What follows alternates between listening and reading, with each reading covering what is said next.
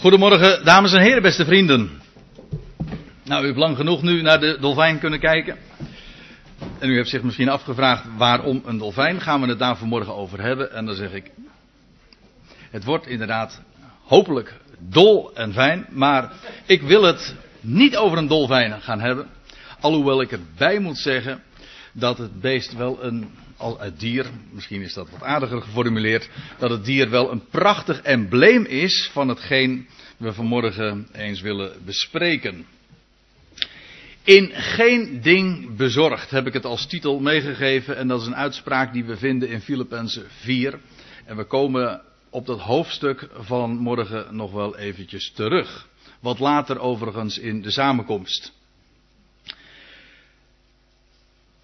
En als u wat beter naar dat plaatje kijkt, dan ziet u allemaal termen voorbij komen. En dan begrijpt u ook een klein beetje, ongetwijfeld, waar het uh, allemaal over kan gaan. Als we het hebben over in geen ding bezorgd zijn. Want laten we wel wezen, er zijn genoeg redenen waarom een mens bezorgd, dat wil zeggen ongerust is over de toekomst. Op korte termijn, dan wel op langere termijn. En ik heb zomaar wat van die termen opgeschreven. Opvoeding, pensioen, financiën, criminaliteit, het klimaat, economie. Nou ja, recessie. Er zijn tal van onderwerpen. In onze dagen misschien wel in het bijzonder. Waardoor mensen inderdaad piekeren en malen en s'nachts wakker liggen. En iedereen herkent zich wel in enige mate in dit onderwerp. Stel ik me zo voor. We kennen allemaal het verschijnsel wel, misschien wel hopelijk uit een grijs verleden, dat u wel eens bezorgd was dat, je, dat je maalt over dingen en je weet wel dat je er uiteindelijk niks mee opschiet. Maar u weet natuurlijk ook net zo goed als ik dat ons uh, brein nu eenmaal geen uitknop heeft. Dat, blijft maar door, dat blijft maar doormalen, dat gaat maar door. En soms ben je dan in een cirkeltje, of eigenlijk alleen maar in een cirkel aan het draaien. En dezelfde gedachten komen telkens weer terug, zonder dat je ook maar een steek verder komt. Hoe dan ook, Bezorgdheid is een verschijnsel dat universeel is en alle mensen kennen het wel in enige mate. Ik wil stel voor dat we naar een Bijbelgedeelte gaan dat daar helemaal over gaat. Matthäus 6, dat is een deel van de bergreden, de zogenoemde bergreden die de Heer Jezus heeft gehouden. En ik lees dan vanaf vers 25. Ik stel voor dat we het eens wat, wat nader bezien, wat er staat.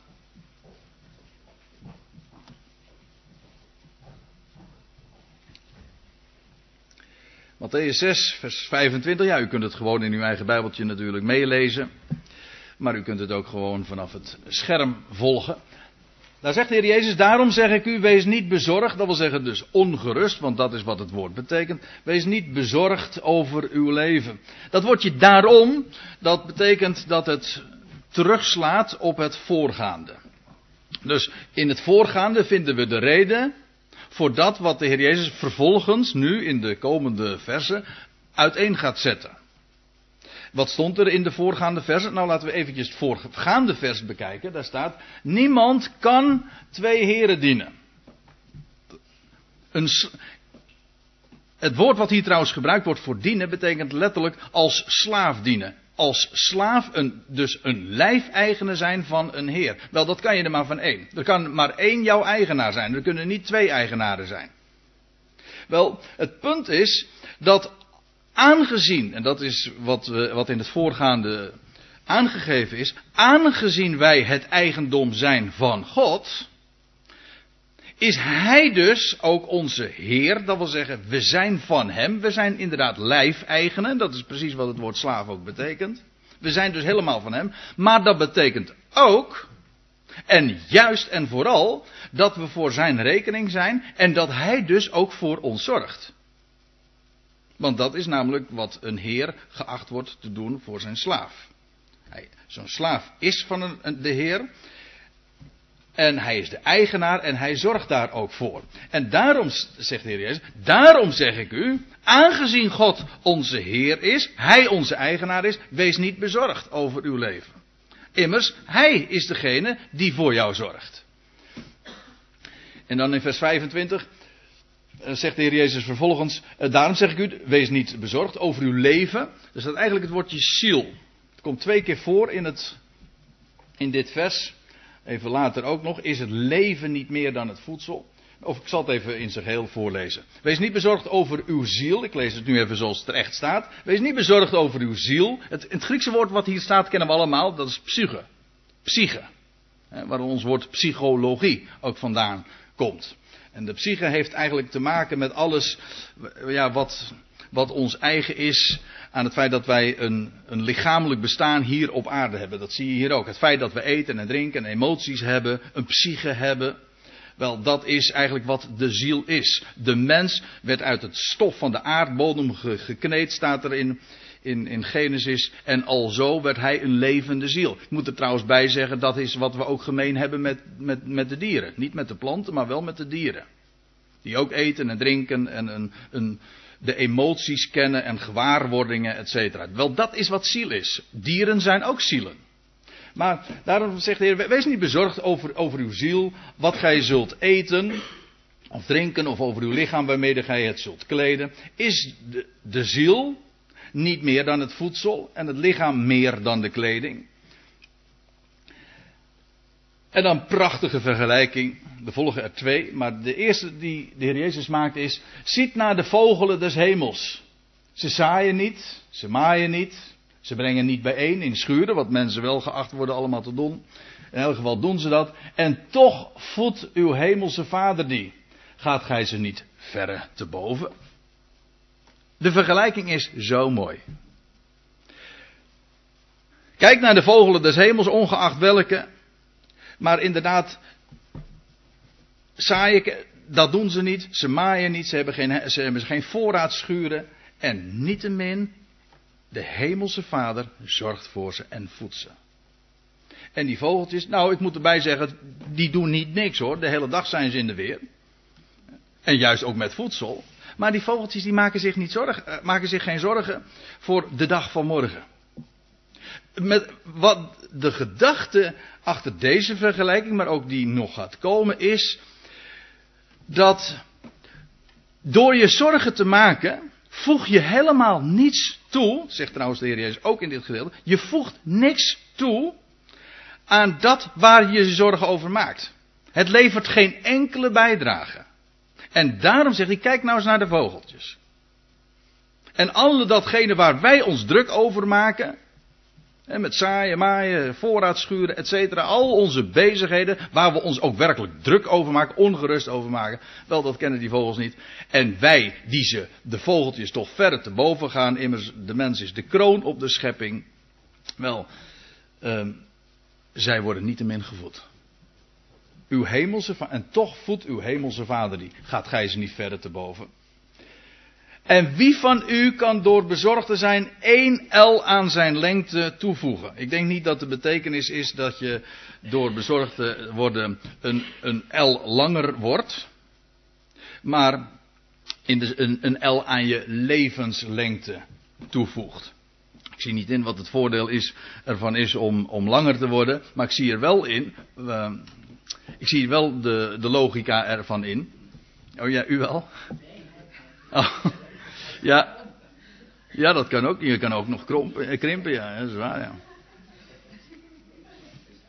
Maar in elk geval, door bezorgd te zijn, voeg je helemaal niets toe aan je lengte. Voor mij mag u die betekenis er ook bij denken, dat maakt me niet uit. Het het, de nadruk ligt, ligt namelijk op dat woordje toevoegen. Het voegt namelijk helemaal niets toe. Ook niet aan je levensduur. Voor zover zorgen iets doet, doen, dan is het juist dat ze iets afdoen. Het vreet aan je. Of je ervan krimpt, weet ik niet. maar in elk geval, het vreet aan een mens. Het voegt niets toe. En ik denk wel eens een keertje mensen die, die van alles in, uit de kast halen om toch vooral maar zo lang mogelijk te leven. Die wel, ze zouden Matthäus 6 eens moeten lezen. Die nuchtere, prachtige woorden. En dat is dat uh, levert helemaal geen enkele bijdrage aan je levensduur en ook al niet aan je levenskwaliteit. Wel, het zijn in wezen, een mens weet dat dit waar is. Ik bedoel, ik heb ooit eens een keer gelezen van uh, die uh, meneer Van der Valk, die onlangs is overleden, Gerrit van der Valk. En die had als adagium, als ik geloof niet dat het een, een gelovig iemand was. In elk geval, ik las een keer van hem de uitspraak van, ik maak me geen zorgen, het loopt toch anders. Ja, en dat is een hele nuchtere uitspraak. En dat, heeft dan nog, dat staat dan nog helemaal los van het feit dat er een God is die voor je zorgt. Nee, waarom zou je je zorgen maken? Voegt het iets toe? Iedereen weet, het voegt inderdaad helemaal niks toe. Bovendien, ik heb nog nooit gehoord van iemand die zegt van nou ik ben wel blij dat ik me in het verleden heel veel zorgen daarover heb gemaakt, want het heeft me heel veel opgeleverd. U wel eens? Nee, want geheid dat het zo is dat je je in het verleden zorgen maakte over, vul maar iets in. Kan, eh, of dat nou je financiën zijn of, of het werk. Noem maar op. Dat waar je je zorgen over maakt. Dan blijkt achteraf dat het toch allemaal heel anders is gelopen. als dat je toen dacht. Met andere woorden. Het is zo waar wat hier, hier in vers 27 staat. Wie van u kan door bezorgd zijn één L aan zijn lengte toevoegen? Het voegt niets toe. En de tweede vergelijking, wat zijt gij bezorgd over kleding? Als we het dan toch over bekleding hebben, zegt de Heer Jezus, let op de leliën des velds. Dat is overigens wat, wat uitgebreider als het woordje dan wat wij onder leliën verstaan. Heb ik begrepen. Lelie is een, een vrij brede term en slaat eigenlijk op alle weidebloemen. Van klaprozen tot madeliefjes tot. Wat zie ik hier nog meer? Boterbloemen.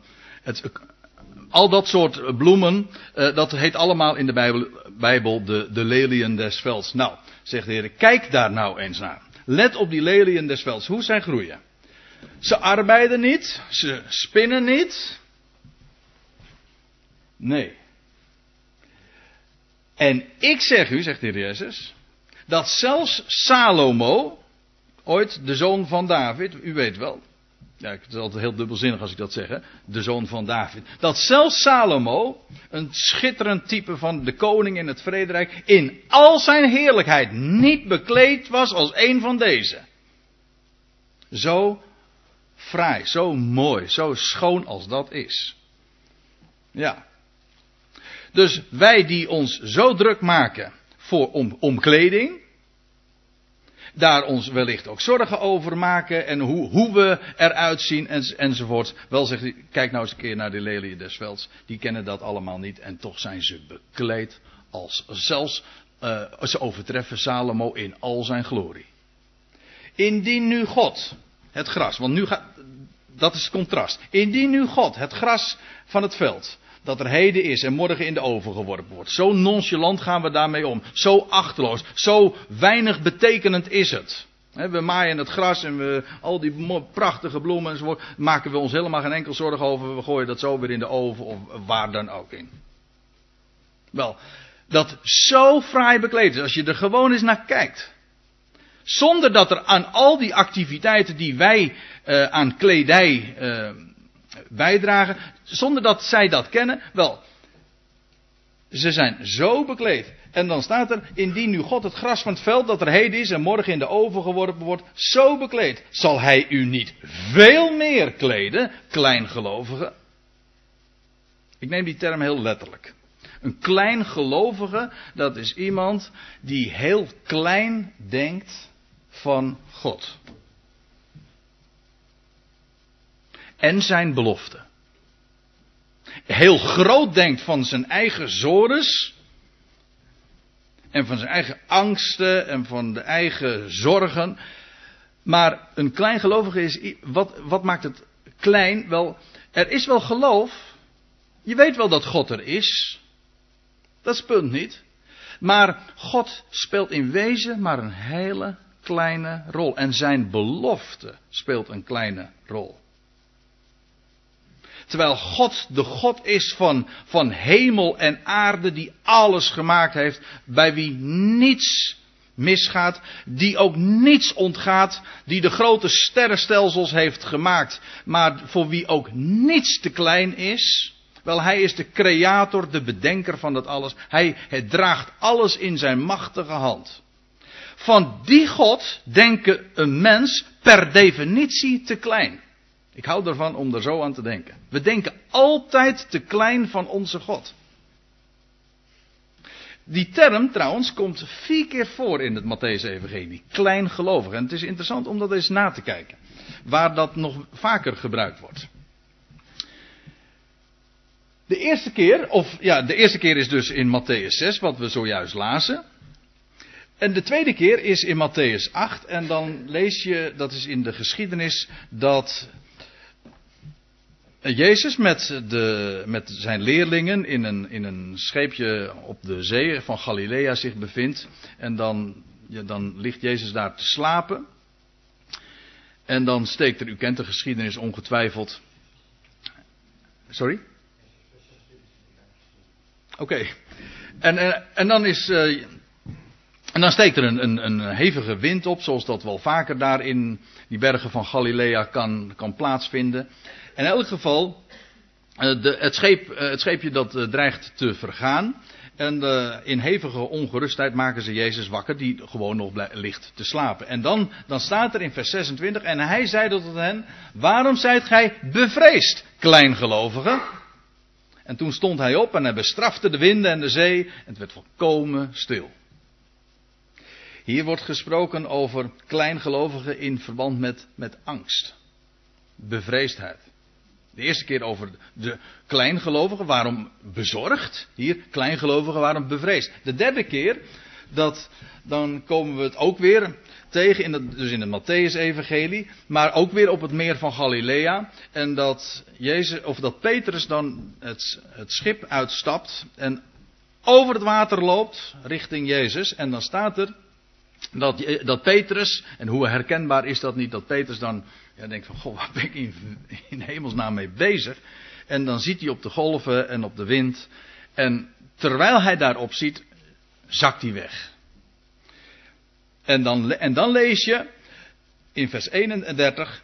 En terstond stak Jezus hem de hand toe en hij greep hem en hij zeide tot hem: Kleingelovige, waarom zijt gij gaan twijfelen? Twijfelen. Twijfelen heeft, daar zit het woordje in, hè? Eh, twee.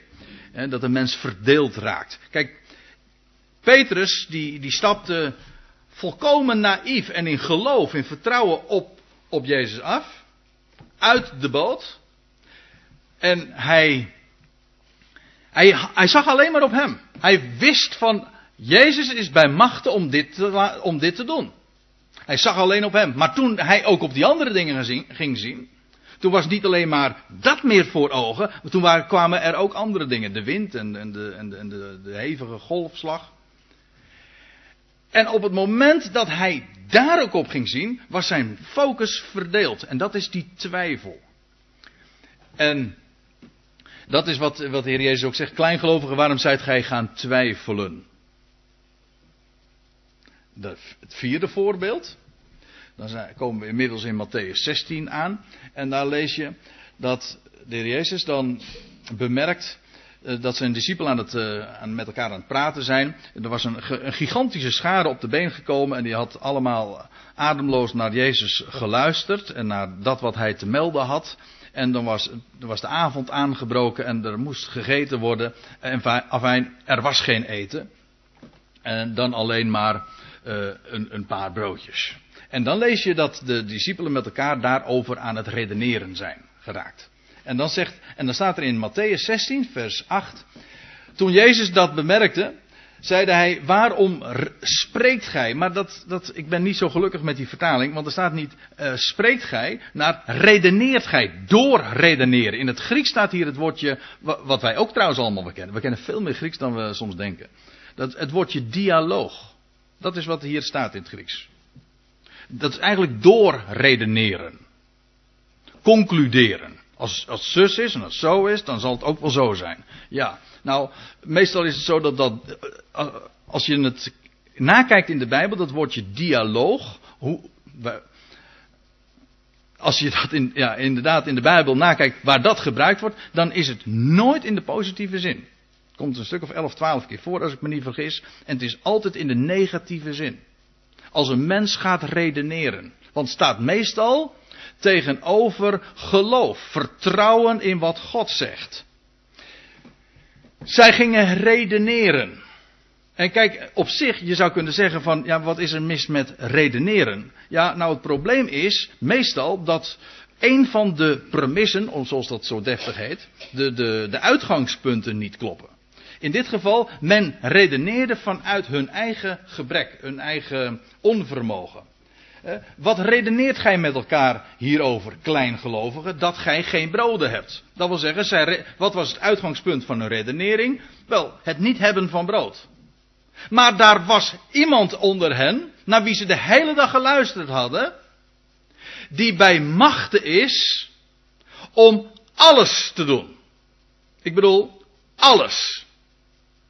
Dan praten we dus niet meer over het onvermogen van ons of het, het niet hebben van dingen. Dat, gaat, dat is helemaal niet eens interessant. Als je daarop ziet, kijk, dat is precies wat klein geloof is. Als je al ziet op dat wat wij niet hebben, wat we niet kunnen en wat we niet mogen, of weet ik van wat. Altijd dat niet. Dat altijd het, het gebrek van de mens. Het geloof is juist dat je ziet op hem die wel bij machten is.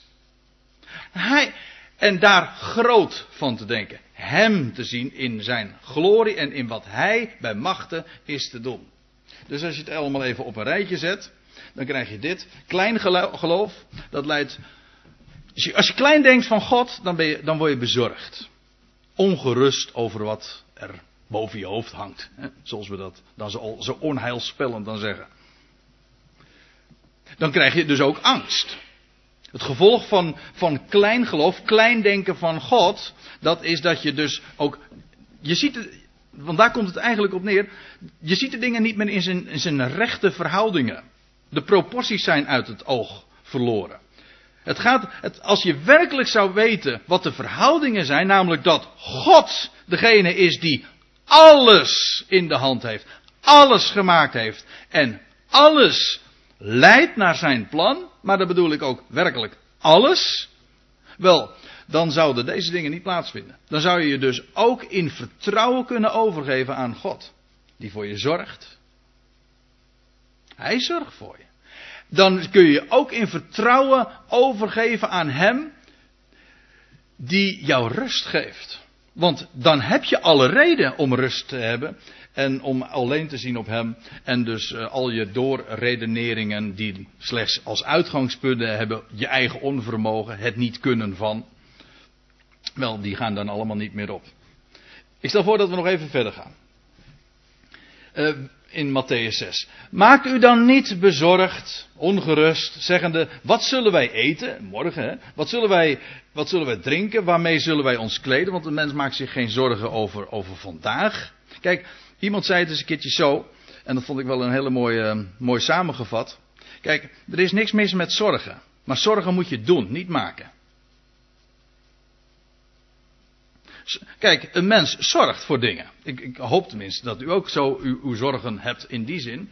Uh, als, als ouder zorg je voor je kinderen. Als, als, als uh, echtgenoot zorg je voor je echtgenoten. Hè? Oh, en vice versa natuurlijk. Ja, dat hangt er een beetje vanaf hoe de verhoudingen bij u thuis zijn. Maar in elk geval, je zorgt voor dingen. En elk mens heeft, hoe klein je ook bent, maar je hebt bepaalde zorgen worden je toevertrouwd. Als kind moet je, al je zit op school, dan heb je te zorgen dat, hè, dat, je, dat je tafeltje eh, schoon en, en netjes is enzovoort. En dat je je huiswerk doet, daar, daar, zou je voor zorgen. Maar zorgen doe je. Het heeft te maken met, met je handelen, met je handelen en met je wandel, met, dat, met je activiteiten. Maar, het heeft, maar zorgen waar we het nu over hebben, die je maakt, dat zit erin. Dat is ongerustheid. U, u voelt wel aan dat er twee totaal verschillende vormen zijn. Dus zorgen doe je, maar als je zorgen maakt hier en gaat malen, kijk, dat is de ongerustheid. En dat heeft te maken met kleingeloof, klein denken van God. Eh, maak u niet bezorgd, zeggende: wat zullen we eten, wat zullen we drinken, waarmee zullen we ons kleden? Want, zegt de Heer Jezus, naar al deze dingen gaat het zoeken van de natieën, van de volkeren uit. De, het idee is de natieën die God niet kennen. God had zich aan zijn eigen volk bekendgemaakt als, als de God die voor hen zorgde, als de hemelse vader. Wel, de natie kende die God niet. En in het algemeen nu nog steeds niet. Ja. En dat is nou precies wat, uh, wat er overblijft als er geen God is die voor ons zorgt. Ja, dan maak je dus ongerust over de, over de dag van morgen en over de toekomst. Ook al weet je dat het geen bijdrage levert aan dat waar je je zorgen over maakt. Het voegt niks toe, dat weten we allemaal, maar je hebt geen. Je maakt je toch zorgen. Dat is, dat is het probleem. Als je geen God hebt die voor je zorgt, dan betekent dat dus dat die last op jouw schouder ligt. Als het daarentegen waar is dat er een God is die voor je zorgt, dan wordt het plaatje compleet anders. Ik lees nog even verder. Uh, ja, na al deze dingen gaat het zoeken van, van de, de heidenen uit die, die God niet kennen. Want staat er, uw hemelse vader weet dat gij dit alles behoeft. En zoals de hemelse vader zorgt voor de, voor de lelien des velds en voor de vogelen des hemels, veel meer zorgt hij nog voor ons. Hij weet dat gij dit alles behoeft. Hoef je hem niet eens te vragen. Hij weet dat namelijk op voorhand. En dan lees je de, de bekende woorden. Nou ja, bekend. Hè? We, we, zingen het eh, vaak. Uh, wat er staat in Matthäus 6. Maar realiseert u zich goed wat, het betekent.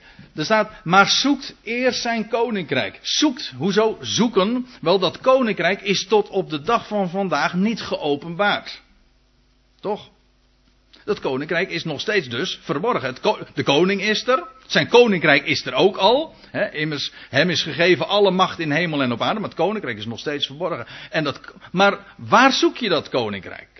Anders dan in zijn woord. In zijn woord spreekt hij over dat koninkrijk dat straks openbaar wordt. En daar zouden we ons mee bezighouden. Met het zoeken van zijn koninkrijk. En met het zoeken, ik zeg dat nu even met de woorden van de apostel Paulus, waar we toch uh, in het bijzonder aandacht aan zouden geven. We zoeken de dingen die boven zijn, maar hoe zou je dat anders doen dan je bezig te houden met de rijkdom van zijn woord? Dat geldt trouwens ook van het, het vervolgen. Uh, van het vervolg in datzelfde vers, Matthäus 6, vers 33. Zoekt zijn koninkrijk. Zoekt eerst zijn koninkrijk. In zijn woord namelijk, want daarin ligt dat allemaal besloten en opgeslagen. En zijn gerechtigheid. Maar waar vind je zijn gerechtigheid anders dan in zijn woord? Gods gerechtigheid is namelijk niks anders dan dat God recht doet aan zijn woord. God belooft. En u weet, belofte maakt schuld. God belooft en hij doet recht aan zijn belofte. Oftewel, hij vervult dat wat hij belooft. Dat is zijn gerechtigheid. Dat is in de loop van de eeuwen heel vaak vreselijk misgeïnterpreteerd. Gods gerechtigheid en daar maakt men een eisende gerechtigheid van. De God die als boeman recht eist van de mens. Maar Gods gerechtigheid is niet dat hij recht eist, maar dat hij recht doet. Namelijk aan wat hij zelf belooft. En wat eigen is aan hem als God, als hemelse vader. U vindt die term trouwens heel vaak in het Oude Testament. Ik, ik geef maar één voorbeeld.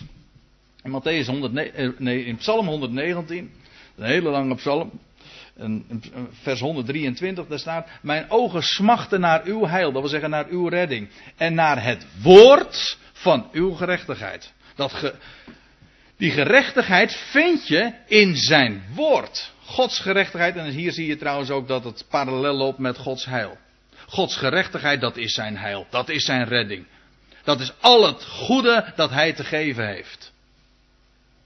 Wel, wat de Heer Jezus zegt tegenover al die zorgen. Kijk, terwijl de hele wereld zich druk maakt over van alles en nog wat. En u kent toch ook die geschiedenis, die we trouwens niet in de Matthäus-evangelie tegenkomen, maar in het Lucas-evangelie. Van Maria en Martha. En Martha die was bezig met vele dingen. En wat deed Maria? die zat aan de voeten van de Heer Jezus. En ze luisterde. Wat hij te vertellen had. Zij, zij zocht inderdaad het woord. En daar hield ze zich mee bezig. En Martha die kon dat maar eh, moeilijk zetten, want ja, er moest toch zoveel gedaan worden. En er moet zoveel zus, en er moet zoveel zo. En je druk maken en dan zegt, zegt de Heer Jezus, en het wordt hem tot op de dag van vandaag toch eh, heimelijk nogal eens kwalijk genomen dat, dat, eh, dat, dat de reactie was van Jezus. Martha, Martha. Als, dubbel, als, als, je naam dubbel genoemd wordt, dan is het meestal uh, niet zo best, hè? Martha, Martha. Leg je bezem neer, ja. Martha, Martha, gij maakt u druk om vele dingen. Er is toch ook een, een, Er zijn zoveel dingen die gedaan moeten worden. Er zijn zoveel dingen die als het ware boven ons hoofd hangen en waar je je ongerust over kunt maken. Vul ze maar in, dat is niet zo moeilijk hoor. Maar dan zegt de Heer Jezus: Martha, Martha, je maakt je druk om vele dingen. Maar ik zeg u, één ding is slechts nodig. Nou is dat niet overdreven? Nee, dat is nou precies de waarheid. Eén ding is slechts nodig. En Maria die heeft het goede deel gekozen. Namelijk te zitten aan de voeten van de Heer. Ja, en al dat andere dan? Nou zullen we het eens lezen. En al dat andere en dit alles, dat wil zeggen alles wat u behoeft, want dat was het onderwerp. Uw hemelse vader, die weet dat u dit alles behoeft. Die weet wat je nodig hebt. Nou, de Heer zegt, hoe werkt dat dan? Wel, zoekt eerst zijn koninkrijk, zijn gerechtigheid, dat wil zeggen zijn belofte, zijn woord. Want dat is wat het, wat het is, hè? Daar vind je het, in zijn woord. Waarin hij zichzelf voorstelt. Waar hij niks van de mens eist. Wat u moet doen. Geen lasten op uw schouders gelegd worden. Nee, daar vertelt hij wie hij is. En, wie, en wat hij gedaan heeft. En wat hij voornemens is. En hoe hij alles in zijn machtige hand houdt. Zoek dat. En al het andere. Wat je behoeft. Wat je nodig hebt. Zal u bovendien geschonken worden. Alsjeblieft. En ik weet dat mensen dan altijd geneigd zijn te zeggen, en ik hoor het zo vaak, maar dat is altijd zo als je de blijde boodschap gewoon vanuit de Bijbel vertelt. Dan zeggen ze, ja, dat zal maar makkelijk zijn. Ja, dat is het nu juist ook. Maar het blijkt zo moeilijk te zijn om zo eenvoudig in het leven te staan. Dat lijkt een uh, innerlijke tegenstrijdigheid, maar ik zeg het zoals het is het leven is inderdaad eenvoudig. Wij denken dat vele dingen nodig zijn. En de Heer Jezus zegt, die brengt het helemaal terug tot, tot de basis. En, en wij zeggen van, ja, maar het is heel gecompliceerd, hè, een complex. En je krijgt er ook een complex van, als u het mij vraagt. Maar het leven is niet complex, het leven is heel eenvoudig. Eén ding is slechts nodig. En dat is zijn woord. En al het andere zal je bovendien geschonken worden. Alles wat je nodig hebt. Alsjeblieft. Ja, alsjeblieft. Als je het belieft, hè, betekent dat. Als je het gelooft. Voor, voor, voor, iedereen die het wil geloven. Is, dat inderdaad, is die eenvoud zo weggelegd. Zullen we nog eens eventjes een paar andere passages uh, erbij halen. Bij de apostel Paulus. Want dit is wat, wat de Heer Jezus hier zei in de bergreden. Ik zal u vertellen, dat is exact hetzelfde als wat Paulus in zijn brieven ook naar voren brengt. Ik zal u een paar voorbeelden geven. Ik begin bij wat we lezen in Filippenzen 4. Filippenzen 4, dat is het einde ongeveer van, de, van die brief. Schitterende brief. Waar Paulus trouwens ook al aangeeft dat hij op zich reden genoeg had om zich zorgen te maken. Lees de brief maar eens een keertje door. Geschreven trouwens vanuit de gevangenis. En Paulus wordt niet moe in die brief te herhalen. Verblijd je te alle tijden in de Heer. Nog eens zal ik u zeggen, verblijd u. Wees in geen ding bezorgd. En dan eindigt hij die brief zo prachtig. Mijn God zal in al uw behoeften, precies wat we ook in Matthäus 6 lazen, zal in al uw behoeften, in alles wat je nodig hebt, in alles wat hij vindt dat jij nodig hebt. Heb u? Dat is nog wat anders dan in al je wensen. Want meestal is het zo dat, dat wat wij nodig hebben niet hetzelfde is als wat wij wensen. Maar in al uw. Leg daar ook eventjes de nadruk op. En, zet er een streep op. Zal mijn God. God. Degene die alles een plek geeft. Wat, dat is woord, wat het woord God eigenlijk betekent. Hij plaatst alles. Mijn God. Ik moet eraan denken. Ik was ooit eens een keertje. Een bijbelstudie, dat is alweer een, misschien wel een jaar of dertig geleden bij een, oude predikant. En die, uh, die, die kon zulke mooie verhalen vertellen. En die zat een keertje in het vliegtuig. En die uh, hij zat vlak bij het raampje. En degene die naast hem zat, die keek ook zo, zo door het raampje. Ze keken zo naar buiten. En ze, ze, zagen de zonsopgang en, en, al die prachtige kleuren daar bij de horizon, aan, aan, de horizon. En, en toen zei die, die man die naast hem zat tegen die, tegen die predikant van... Goh, wat is dat mooi hè. En toen zei die dominee, ik zal zijn naam niet noemen. En toen zei die dominee, ja, zal van mijn vader. ja, allemaal van mijn vader. Nou, dat is onze God. Dat is onze hemelse vader. En mijn God zal in al uw behoeften naar zijn rijkdom heerlijk voorzien in Christus Jezus. Let op, naar zijn rijkdom. Dus niet alleen maar hij zal in al uw behoeften voorzien, minimaal, nee, maximaal. Naar zijn rijkdom. Kent u deze meneer? Oh, dus, uh, ik geloof dat het niet echt heel erg goed uit de verf komt op het scherm. Maar ik zal u vertellen wie het is. Het is de grote baas van Microsoft. Hoe het momenteel gaat met, uh, met alle ontwikkelingen op de beurs met Microsoft weet ik eigenlijk niet zo. Maar ik veronderstel dat hij nog wel een paar cent heeft. In elk geval, uh, hij gaat door voor de rijkste man ter wereld. Financieel gezien in elk geval. We waren in Filippenzen 4, ja.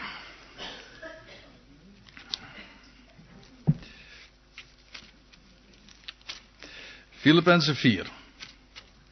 Dan doen we het gewoon weer ouderwets hoor. We hadden het dus over vers 19.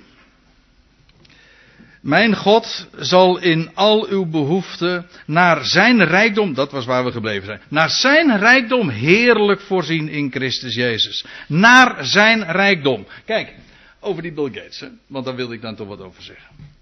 Als, als Bill Gates op straat loopt, door de stad, en hij ziet een bedelaar, en hij geeft aan die bedelaar, gul als die is, een dollar dan geeft hij uit zijn rijkdom. Ik bedoel, hij heeft zo gigantisch veel. Ik heb wel eens gehoord als, als Bill Gates een briefje van 100 dollar op de straat ziet liggen, dan kan hij beter doorlopen, omdat het meer kost om hem op te rapen, dan om door te lopen. Ja, zover heb je het nog niet geschopt, zeker. Ik bijna. Maar als hij dan een dollar geeft aan, dat, aan, die, aan die bedelaar, dan geeft hij uit zijn rijkdom. Maar stel je voor dat Bill Gates langs die bedelaar loopt. En hij geeft niet uit zijn rijkdom, maar naar zijn rijkdom. Dus in overeenstemming met dat wat hij heeft. En dan overlaat hij die vrouw met al die miljoenen dollars die hij heeft. Kijk, dan geeft hij naar zijn rijkdom. In overeenstemming met zijn rijkdom. Daarom ben ik zo blij dat er staat. Want ik kan wel terug. Nee, ik kan dat ook niet meer. Ik wou zeggen, ik uh, blader terug. Maar daarom staat er in Filippenzen 4. Mijn God zal in al uw behoeften naar zijn rijkdom voorzien in al uw behoeften naar zijn rijkdom eh, voorzien in heerlijkheid in Christus Jezus. Uh, we bladeren nog even door in 1 Timotheus 6.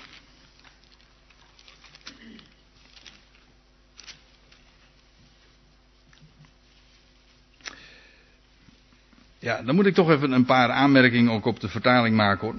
Ik, kijk, ik denk wel eens een keertje, een van de redenen ook om bij elkaar te komen is eh, elkaar te wijzen op de rijkdom van het woord, maar soms dan ook inderdaad, dat kan niet anders, erop te wijzen dat het in de schrift, dat wil zeggen in het origineel, nog veel rijker staat opgetekend dan dat het doorklinkt in de vertaling. En soms hebben de vertalingen er maar wat van gemaakt.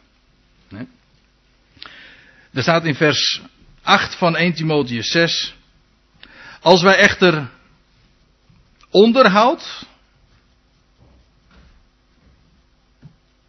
Nee, pardon. Ik lees eh, eerst vers 6. Nu brengt inderdaad de godsvrucht grote winst. U moet even weten, in, het, in, dit gedeelte gaat het erover dat er mensen zijn die toen predikten, dat er mensen waren die toen predikten en ze zijn er vandaag nog bij bosjes die zeggen, godsvrucht, het vereren van hem, dat levert je enorm veel rijkdom op. En nou zegt Paulus, nou dat klopt wel, nu brengt inderdaad de godsvrucht grote rijkdom, uh, dan, en dan lezen we in vers 6. Indien zij gepaard gaat met tevredenheid. Maar die woordjes die tussen haakjes staan, die, die zou u gewoon door moeten krassen, want dat staat er niet. En dat vind ik, ja, dat is een hele kwalijke zaak. Het is niet, de godsvrucht uh, brengt grote winst indien zij, dat wil zeggen op voorwaarde dat wij tevreden zijn. Nee, de godsvrucht brengt grote winst met tevredenheid. Met de grote rijkdom en winst die Gods vrucht, dat wil zeggen het vereren van Hem, meebrengt. Wel, met dat brengt het ook altijd tevredenheid. Waarbij het woordje tevredenheid maar sowieso is hoor. Want daar ben ik eigenlijk niet zo tevreden mee met die vertaling. Want tevreden, dat heeft nog, dat vind ik een beetje een zesje. Dat dan zeg je van nou, ik neem, er, ik neem genoegen mee. Maar dat is niet wat er staat. er staat eigenlijk het woordje in de concurrent version zegt ook contentment. En, en in de Statenvertaling geloof ik ook wordt het weergegeven met, met genoegen. met, ja, genoeg hebben. Vergenoeging, ja. En dat, dat wil zeggen, je hebt dus genoeg.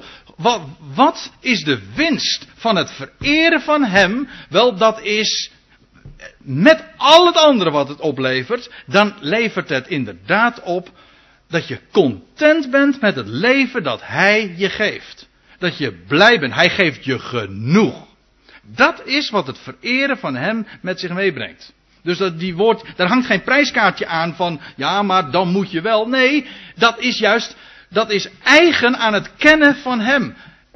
Aan geloof, niet klein geloof, het geloven van Hem. Dan ben je inderdaad tevreden. Heb je genoeg aan wat Hij geeft, want Hij zorgt voor je.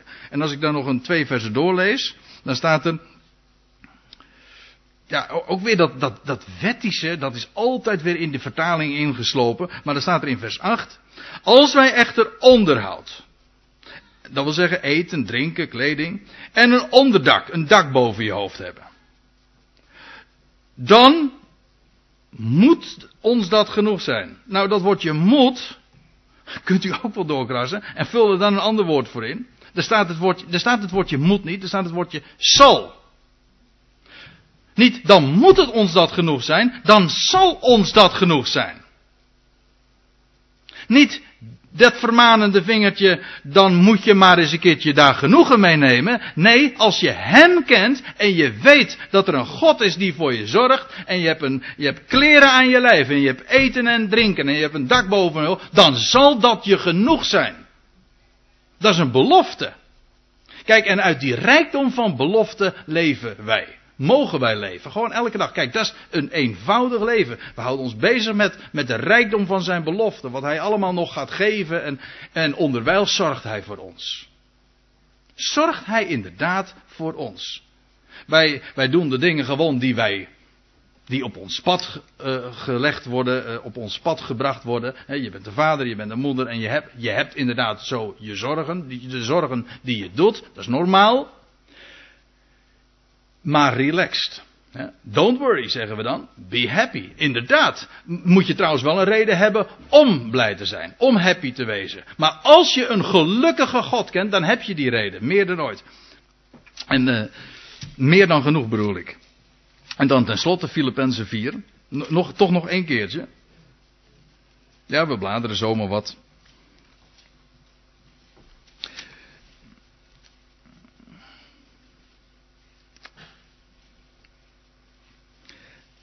Daar schrijft Paulus in vers, in vers 11, halverwege vers 11. Paulus heeft zo eh, heel wat meegemaakt in zijn leven. Hij zegt, ik heb eh, gebrek geleden. Hij zegt, maar, hij zegt, want ik heb geleerd. Ik heb geleerd met de omstandigheden waarin ik verkeer genoegen te nemen. Nou, ook dat is in de, NBG-vertaling een heel uh, minimale vertaling. Als u het in de Statenvertaling leest, dan staat er vergenoegd te zijn. Niet genoegen te nemen. Je kunt met dingen genoegen nemen zonder dat je er blij mee bent en zonder dat je er echt tevreden mee bent. Ja toch? Dan zeggen we, nou ja, ik, ik moet er genoegen mee nemen. Nee, Ver, er staat, ik heb Paulus zegt, ik heb geleerd in het leven, want hij leert je zo de lessen. Dat wat je nodig hebt in het leven. Wel, de, wat Paulus zegt, ik heb geleerd in de, in de omstandigheden waarin ik verkeer, vergenoegd te zijn. Genoeg te hebben. Dankbaar omhoog te zien naar een God die voor ons zorgt. En dan vers daar, daar, moeten we maar mee afsluiten. Dat lijkt me een goed idee, vers 13. Dat is trouwens ook een mooi idee om straks nog te zingen met elkaar. Hij zegt, ik vermag. Dat wil zeggen, in vers 13, hè. Ik vermag. Letterlijk staat er, ik ben sterk. In alle dingen.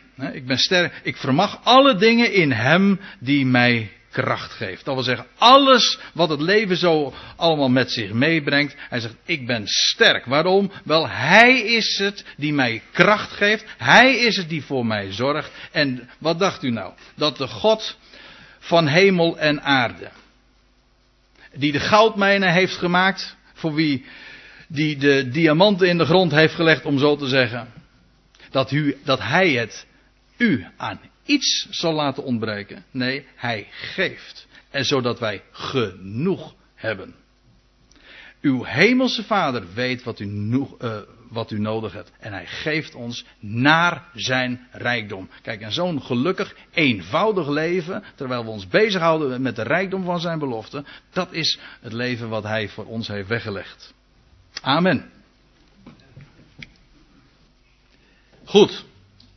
Ik stel voor dat we met elkaar nog deze samenkomst, het dankgebed zullen afsluiten. Zingen we straks nog één lied.